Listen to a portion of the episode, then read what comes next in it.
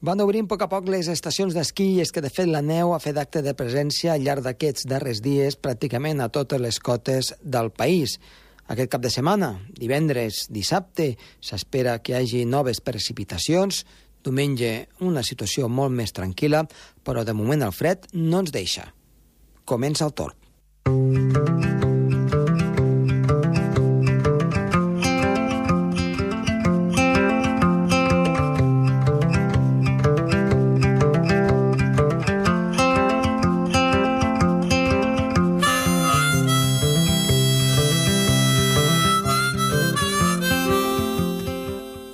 Doncs el fred no ens deixa i precisament amb això del fred i la neu en parlarem amb Sergi Càrceles de les diferents tipus de neu que podem trobar quan cau del cel, com es formen, la temperatura a la que doncs, es comença a formar aquest núvol que finalment doncs, cau en forma d'aquesta precipitació sòlida i quin és el seu efecte damunt del terreny. A més a més, amb en Gerard Tauler ens anirem cap a l'aigua del mar del Mediterrani, que sembla que està pujant la temperatura i quins són els seus efectes en quant a precipitació i també en quant a temporals de mar que afecten a les costes, en aquest cas mediterrànies més properes al que és la península ibèrica. Tot això amanit amb la previsió del temps. Som-hi!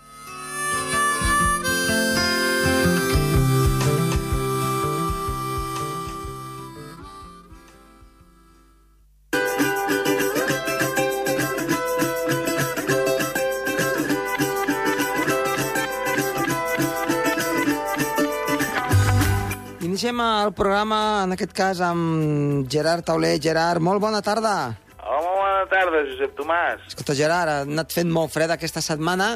Eh, ara sembla doncs, que entre avui dijous i demà divendres arriben eh, pertorbacions amb una mica més de temperatura, amb nevades una, a cotes una mica més elevades i amb un ambient una mica menys fred, una mica més rescalfat. I avui eh, ens volies parlar no de les nevades, sinó de, diguem-ne, una altra capa mm, que està a la Terra, que seria la, la hidrosfera, diguem-ne el mar, per dir-ho d'alguna manera.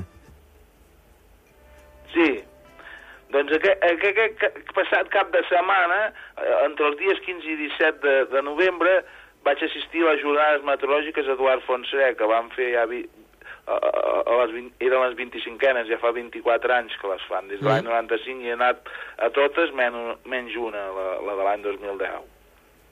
I què vam tractar? Sí, una, una conferència d'en Paco Pastor de la Fundació SEAM, de, de València, va, va fer una ponència, la Mediterrània, 25 anys i més d'escalfament. Uh -huh. Doncs afirma que durant els últims 38 anys s'ha registrat un escalfament notable de la mateixa la Mediterrània, generalitat generalitzat a tota la seva conca. Aquest escalfament, però, és diferent. A l'estiu s'ha escalfat més que a l'hivern. I això és per la pujada de, de la cèl·lula de Hadley. O sigui, uh -huh. les altes pressions subtropicals han pujat de latitud. Ja se sap que, que a l'estiu la, la, la radiació solar doncs és més elevada que a l'hivern. I a més, amb, amb cel serè a l'hivern no, no, no, no, no pugen tant les temperatures com -huh. a l'estiu.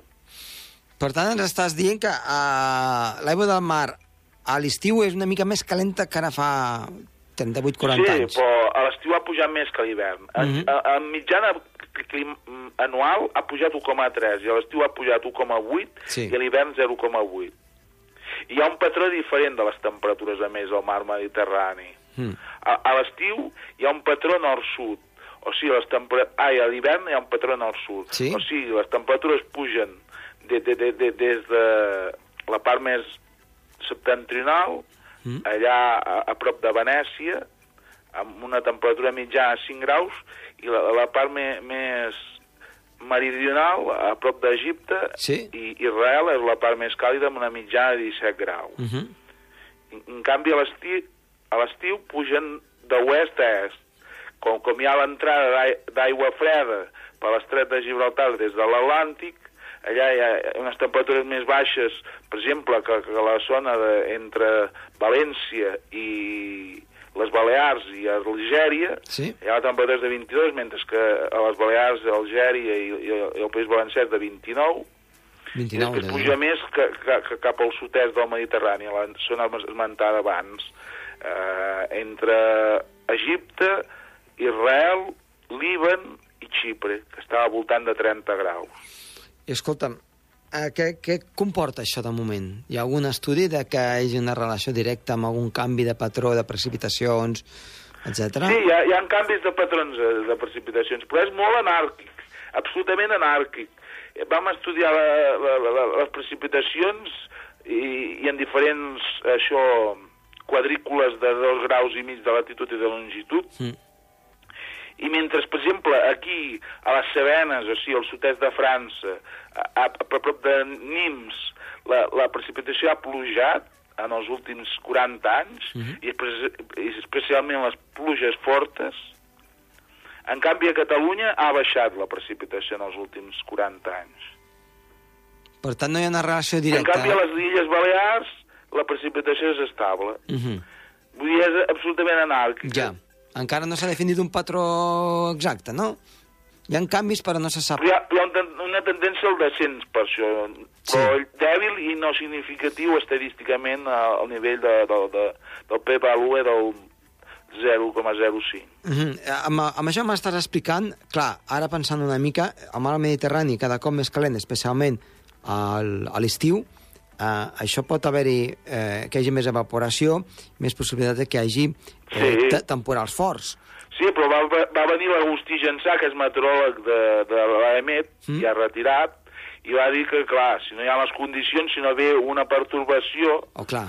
que, que, que, que desencadeni, que, que, que, que es podem dir, hi ha, hi ha, hi ha, hi ha pólvora, però ha d'haver-hi algú, alguna cosa que la faci explotar Que aquesta pólvora. Clar, clar. Eh, Una pertorbació, una borrasca, una gota freda, un sol, un tal...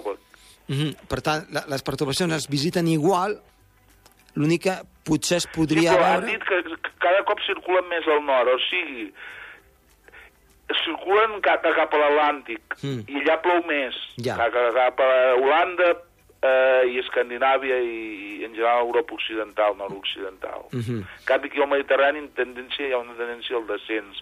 Però quan plou aquí, plou més fort, perquè, Ja. clar, com l'aigua del mar és més calenta, però això no, no de totes les zones, és a dir, que aquí a Catalunya no s'ha observat un augment de les pluges intenses. Mhm. Sí que s'ha observat al sud-est de França. I, per exemple, a, a, a Itàlia, per exemple, al nord d'Itàlia, eh, s'ha observat, eh, eh, per exemple, la setmana passada, eh, la- l'aqua alta de, de, Sí, sí.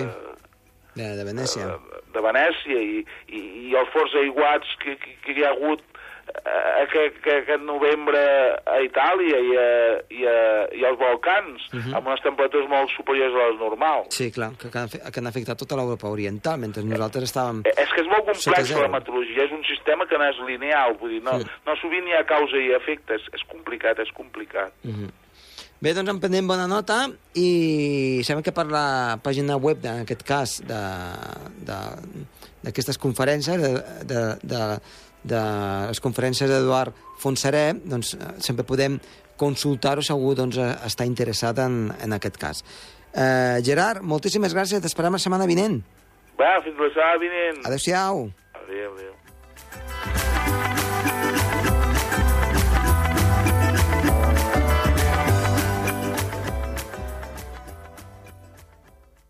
El Torb, amb Josep Tomàs.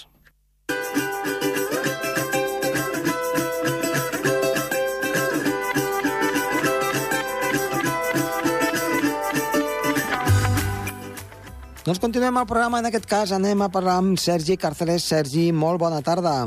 Molt bona tarda. Doncs bé, setmana que torna a ser animadeta eh, i amb força nevades que hem tingut doncs, de, des de que portem d'aquest mes de novembre.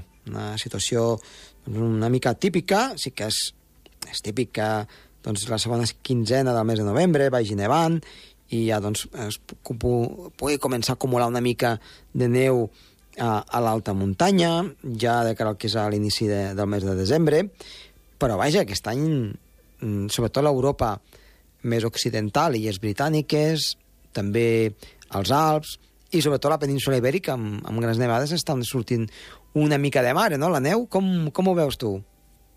Doncs bé, és, una, és un any que realment fa goig, sobretot per les estacions d'esquí, la gent que estima i li encanta la neu, i és que aquest any han aparegut aquests flocs que tant eh, doncs, desitgem, bastant d'hora. Podem recordar les primeres nevades va ser a principis de, de novembre Mhm. uh -huh. i, i bé, en comparació d'altres anys que hem tingut anteriors en què la neu no la veiem fins a desembre o fins i tot gener, doncs realment és d'agrair.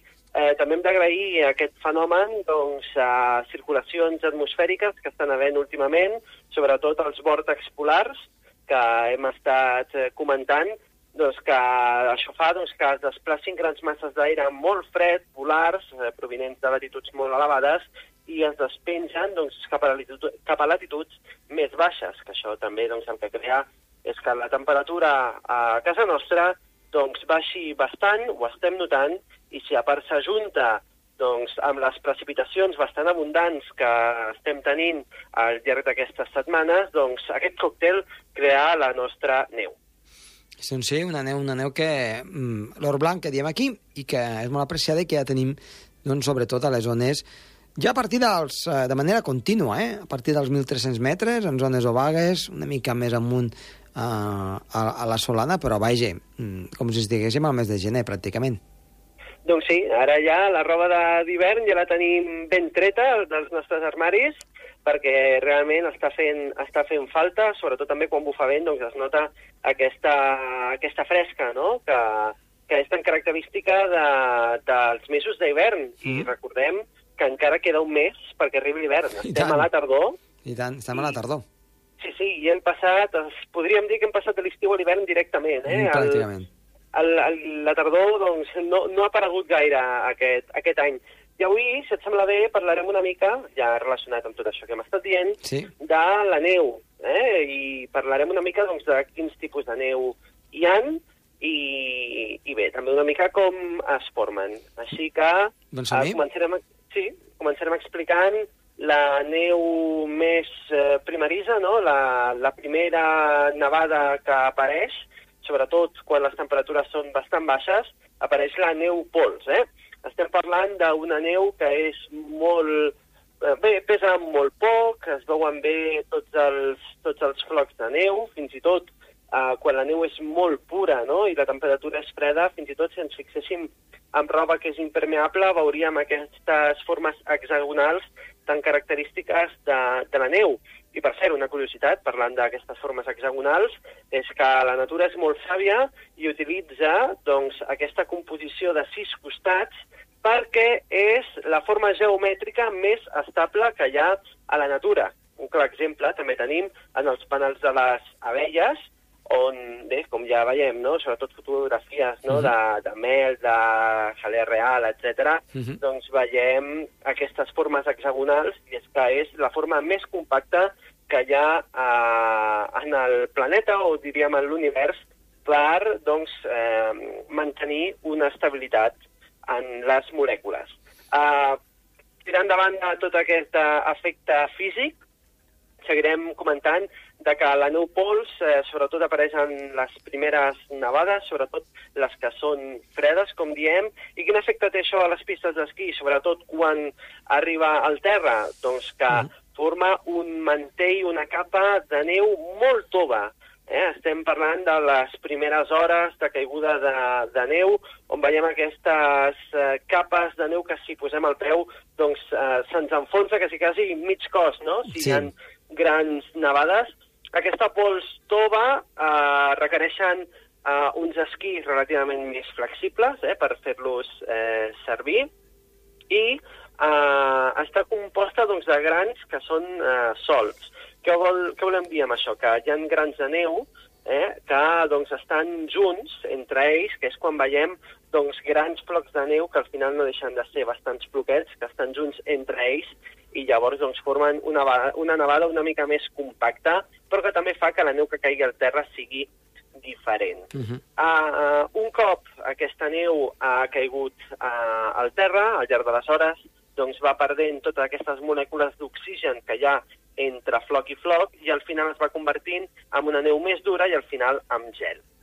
Ara tirarem a la neu granulada, és una altra neu que és més dura, és més consistent, uh, més rodona també, no es veuen tant aquestes formes hexagonals, i els grans uh, de neu doncs, són de glaç, són blancs, però no és un blanc tan, tan transparent, diríem. Ja. Eh? Té una estructura una mica més forta, a vegades aquests granulats són esfèrics i fins i tot cònics, i també el diàmetre d'aquests flocs de neu són més grans, entre 1 i 5 mil·límetres.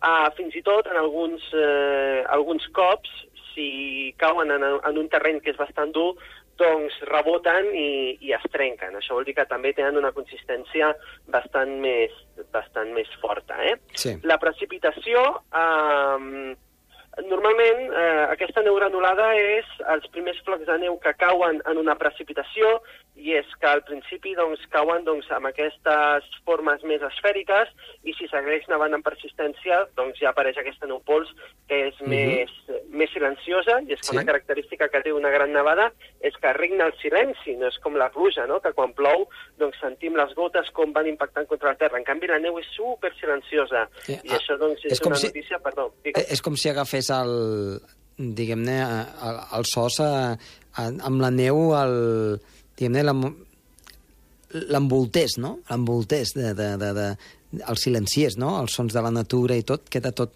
com embolcallat d'aquesta d'aquesta caiguda de neu, no? Sí, sí, és veritat, es nota, es nota molt quan hi ha aquest tipus de neu que quasi, quasi faria un efecte sonor com els grans estudis de, de gravació, no? que també Exacte. hi ha aquestes plaques que el que fan és absorbir el so i que no hi hagi eco. Uh -huh. Uh, la neu granulada, com comentàvem, al ser rodona i fins i tot a vegades cònica, també es pot confondre amb el calabrús, que és aquesta... Bueno, ja s'apropa més ja a la calamarsa, no? Ja. a, la, a la pedra, que tenen una composició bastant semblant, amb la diferència de que el calabrús només es forma amb grans tempestes, eh? amb formacions de cumulonimbus i, i cúmuls doncs, molt extensos. En aquest cas, el C9 doncs, es pot formar en una pluja estratiforme. Què passa? Que un cop cauen aquests dos tipus de neu, s'acumulen en, el, en el sol i, bé, per una cosa o per una altra, es poden trepitjar o, com diem, l'oxigen que hi ha en aquests grans doncs, comença a desaparèixer i cada cop es va emmagatzemant la- l'aigua, únicament l'aigua. I això què fa? Doncs que cada cop sigui més dura, més dura, més dura, i al final es forma el que anomenem la neu dura, Mhm. que està composta doncs, per una textura, mm, diríem que enxarxa una crosta de neu, no?, que està formada, com diem, pel congelament de la neu eh, que ja és humida, eh? ja no és una neu pols o granulada, sinó neu humida. Què passa? Què és la neu humida? Doncs la neu humida és, aquest, és aquesta barreja entre neu i aigua. Al final, quan, quan traiem totes aquestes molècules d'oxigen, al final només queda l'aigua, com diem, i es comença a formar el glaç. La neu dura també la podem detectar en pistes d'esquí i en muntanyes, quan intentem, per exemple, fer una bola de neu i veiem que ens costa, que és, fins i tot són eh, parts, eh, com, són com estrats més durs, que veiem que costa més de manipular. Això és perquè ja és una neu que porta bastantes hores caiguda, fins i tot un o dos dies. Uh, a part d'això, aprofitarem per dir que com a vegades hi ha nevades que van apareixent i desapareixent uh -huh. en un mateix episodi, això també fa que es creïn diferents capes de neu, eh, sobretot a, a les muntanyes. I aquestes diferents capes de neu amb diferents composicions, algunes més dures, algunes més toves, són les que formen les plaques que poden desencadenar a llaus. Un tema que ja parlarem més endavant, perquè Sí. crec que és important parlar sobre això. I tant. Doncs una, una molt bona definició de, de tot el tipus de neu que ens podem trobar quan, quan anem per la muntanya, també quan, quan les observem caure i, evidentment, depèn de la latitud, no, aquí de, de neu pols també en veiem, evidentment, sobretot a les zones més elevades, però vaja, estem molt acostumats també a la neu, a la neu més humida. I tant, i tant. I, I bé, per la gent que viu en ciutats i en zones més càlides, doncs sempre els hi queda fer un esport que els meteoròlegs li diem faròling. Exacte. De veure caure les volves de neu al, al costat de les faroles a veure si, si baixa prou la temperatura per poder-les veure, no? Doncs sí, sí, sí, és una afició que tenim la gent més aficionada i que no tenim la sort de veure la neu tan sovint com, com ens agradaria. Doncs molt bé, Sergi. Eh, moltes gràcies i t'esperem la setmana vinent. Molt bé, que vagi bé. Adéu-siau.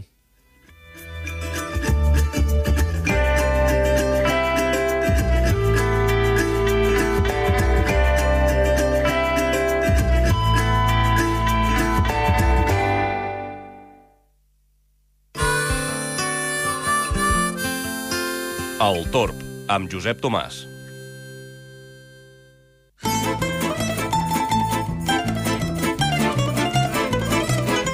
Doncs bé, anem a veure quina és la previsió del temps per aquest cap de setmana, pensant que divendres arriba una pertorbació que afectarà a tot el Pirineu, amb una cota de neu en un inici cap al migdia, cap als 1.200 metres, pujarà ràpidament cap als 1.500 i serà a partir de la tarda, vespre i nit, quan serà més activa, deixant precipitacions a 1.700 metres i fins i tot ja a última hora del vespre i la nit aquesta precipitació al nord del país pot pujar la cota fins als 2.000 metres aproximadament, cap al sud quedaria al voltant dels 1.800. Dissabte, per contra, giraria el vent a component nord, això faria que la cara nord del Pirineu hi haguessin precipitacions i la cota neu baixant cap als 1.300-1.100 metres, afectant només a les zones de parròquies altes, no tant cap al sud, però amb un descens de les temperatures.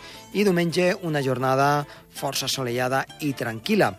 Atenció amb el butlletí de llaus, eh, un butlletí de llaus doncs, que s'actualitza per aquest cap de setmana i caldrà seguir-ho fil per randa si van a l'alta muntanya. Desaconsellable, especialment al llarg de la primera part de dissabte a la muntanya per aquesta situació que a més a més pot estar acompanyada d'aquests vents eh, girant a component nord que seran una mica moderats en alçada i d'aquesta davallada de les temperatures. A més a més, s'esperen uns gruixos que poden oscil·lar 2.000 metres entre els 10 a 15 centímetres com a mínim. Una mica més amunt, fins i tot es podia arribar a acumular 30-40 centímetres. Per tant, eh, una bona notícia. Això sí, la cota neu puja una mica, com hem dit. Una bona notícia per aquests propers dies, esperant que la setmana que ve la situació meteorològica sigui molt més estable i comencen a pujar lleugerament les temperatures.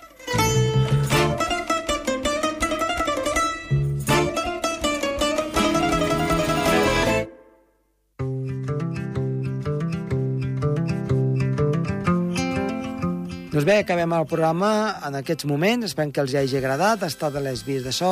Oriol Truix, que els ha parlat de molt de gust. Josep Tomàs, adeu-siau.